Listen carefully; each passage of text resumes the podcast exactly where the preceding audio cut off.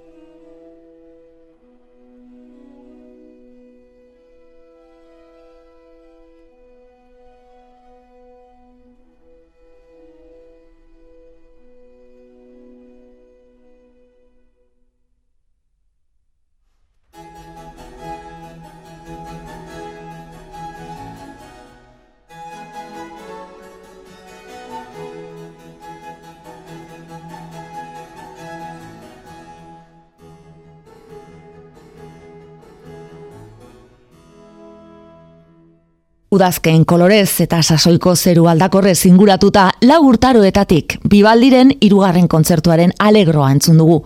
Midori Sailo, violin jole erdi japoniar, erdi alemaniararen eskutik. Berlingo Akademi Fualte musiken laguntza izan du, musika klasikoaren pasarterik ezagunenetakoan. Klasikoak EITB Berlingo Akademia berriro ere prest bigarren agerraldi honetan bibaldiren garaikide baten lan harrigarria bertaratuko digute. Jean Fleury Rebel kompositore frantsesaren Les Elements unibertsoaren lau elementuekin sortu zuen baleta. Oso berritzailea da orokorrean eta kaosaren pasartea bereziki. Baina zati askoz lasaiago bat eta zerutiarrago bat entzungo dugu. Txakona.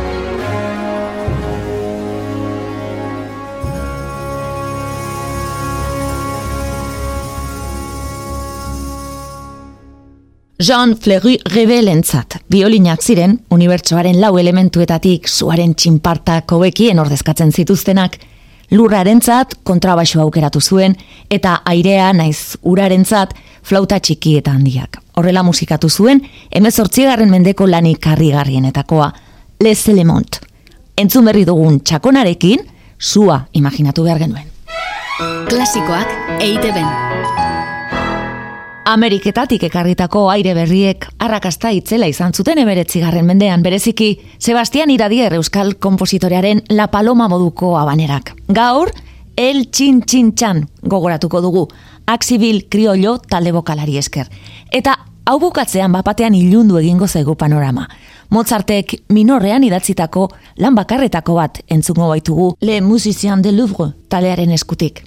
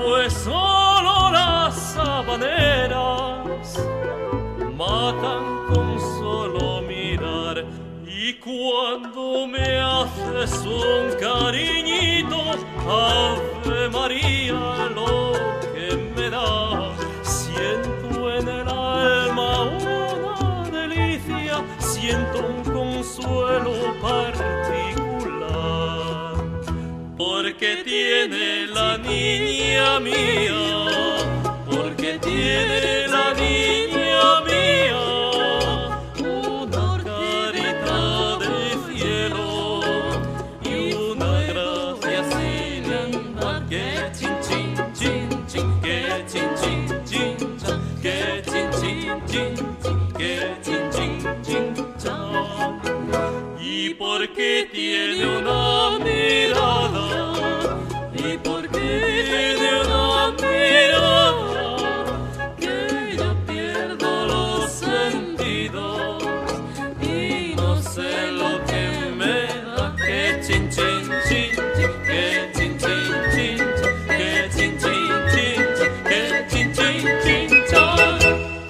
klasikoak eite.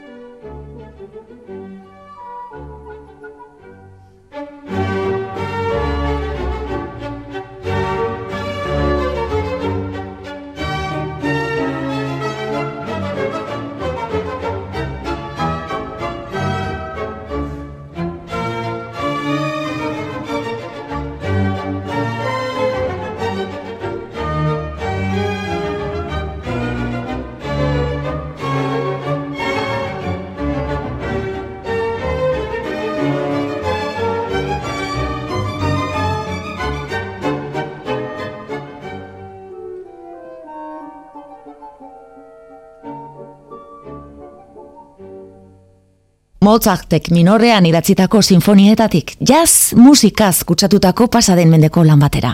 Alec Wilder, kompositore estatuatuarrak, mugak apurtuz Untitled Octet izenez bataiatu zuen pieza dantzagarri eskeniko digu de Manhattan Chamber Orchestra New Yorkarrak. Mila bederatzireun da laurogeita zazpian sorturiko orkestra gazte honen errepertorioan, Ipar Ameriketako musikagile garaikideek leku handi bat hartzen dute. Gure garaietara, gerturatzeko aukera paregabea emanez.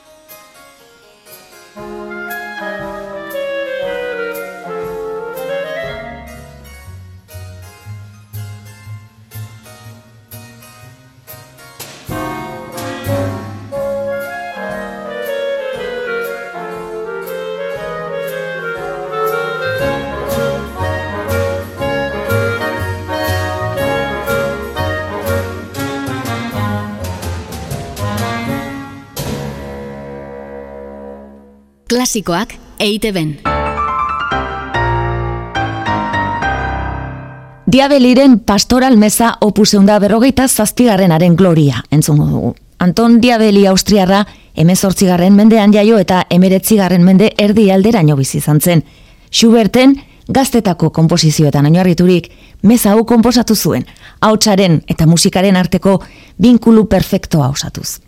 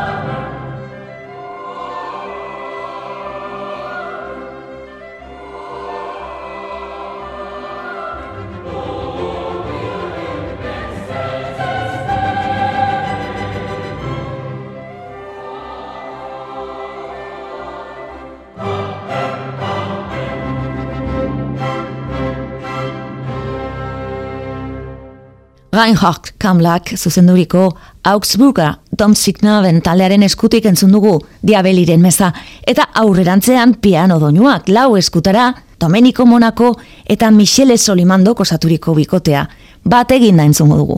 Moskovskiren amabigarren dantza espainiarrean.